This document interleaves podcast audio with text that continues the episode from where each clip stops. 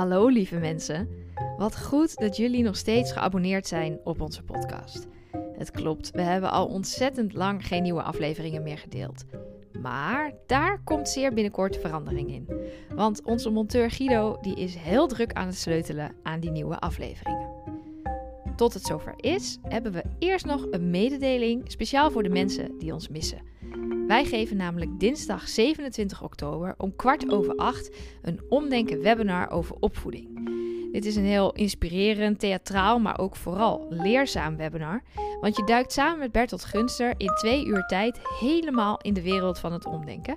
En je ontdekt stap voor stap hoe jij nou een relaxtere, maar ook vooral leukere ouder kunt worden. Het webinar is gebaseerd op ons boek Lastige kinderen heb jij even geluk. En als je de gelijknamige theatervoorstelling wel eens hebt gezien, dan zul je ook dingen herkennen. Maar ja, we kunnen niet meer voor volle zalen spelen, dus we zijn achter onze computers gekropen en online gegaan. Speciaal voor dit webinar hebben we dan ook de inhoud van die voorstelling gemixt met het gedachtegoed uit ons nieuwe boek. Zoals verwacht loopt alles anders. En ook de bijbehorende gloednieuwe theatervoorstelling. Maar we hebben alles ook nog verbeterd en natuurlijk nieuw materiaal ontwikkeld.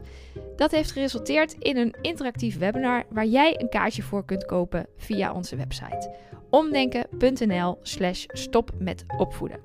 Dus trek je onesie uit de kast, schenk een gin tonic in, trek een zak borrelnootjes open, zorg dat de buurvrouw er is, je partner, je moeder, maakt niet uit. Tot snel online. En blijf ook uitkijken naar die nieuwe podcastafleveringen, want ze zijn er bijna.